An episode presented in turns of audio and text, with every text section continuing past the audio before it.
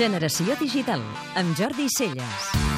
El videojoc Call of Duty Black Ops 2 s'ha convertit en el producte d'entreteniment amb major nombre d'ingressos al dia de la seva estrena. Concretament, segons ha informat Activision Blizzard, ha assolit més de 500 milions de dòlars, uns 390 milions d'euros a nivell mundial. Més de 16.000 establiments arreu del món van obrir la mitjanit de l'estrena del joc per poder vendre'l als milers de persones que feien cua per esperar-lo.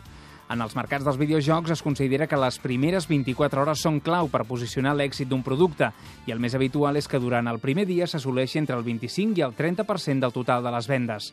El videojoc Call of Duty Black Ops 2 és la nova edició de la saga de jocs d'acció en primera persona de temàtica militar i que ha superat el rècord del seu predecessor, el Call of Duty Modern Warfare 3, que l'any passat va assolir més de 400 milions de dòlars, uns 310 milions d'euros al dia del seu llançament.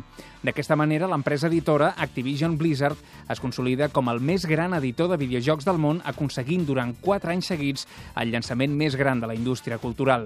Segons la segona edició de Call of Duty, s'han superat de llarg un altre dels grans llançaments de l'any en la indústria dels videojocs, el joc d'acció en primera persona de ciència-ficció de Microsoft Halo 4, que ha assolit els 220 milions de dòlars, uns 170 milions d'euros, al seu primer dia.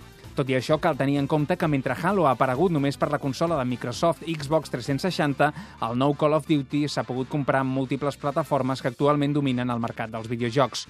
Sense cap mena de dubte, resulta curiós veure com en una indústria com la dels videojocs, on cada vegada s'aposta més per jocs descarregats des de la xarxa, sense producte ni distribució física, els grans llançaments de l'any encara van acompanyats de videojocs dins de capses i en distribució a botigues. Ara que cada vegada més el perfil dels videojocs està migrant de les consoles als dispositius mòbils, tauletes o telèfons, l'èxit sense precedents de sagues com Call of Duty és seguit de prop per una indústria que s'està polaritzant. D'aquesta manera, conviuen llançaments milionaris de de jocs venuts a més de 70 euros amb èxits sense precedents de jocs venuts en línia per menys d'un euro amb 50 cèntims. El dubte és saber si en el futur immediat hi haurà lloc per tothom.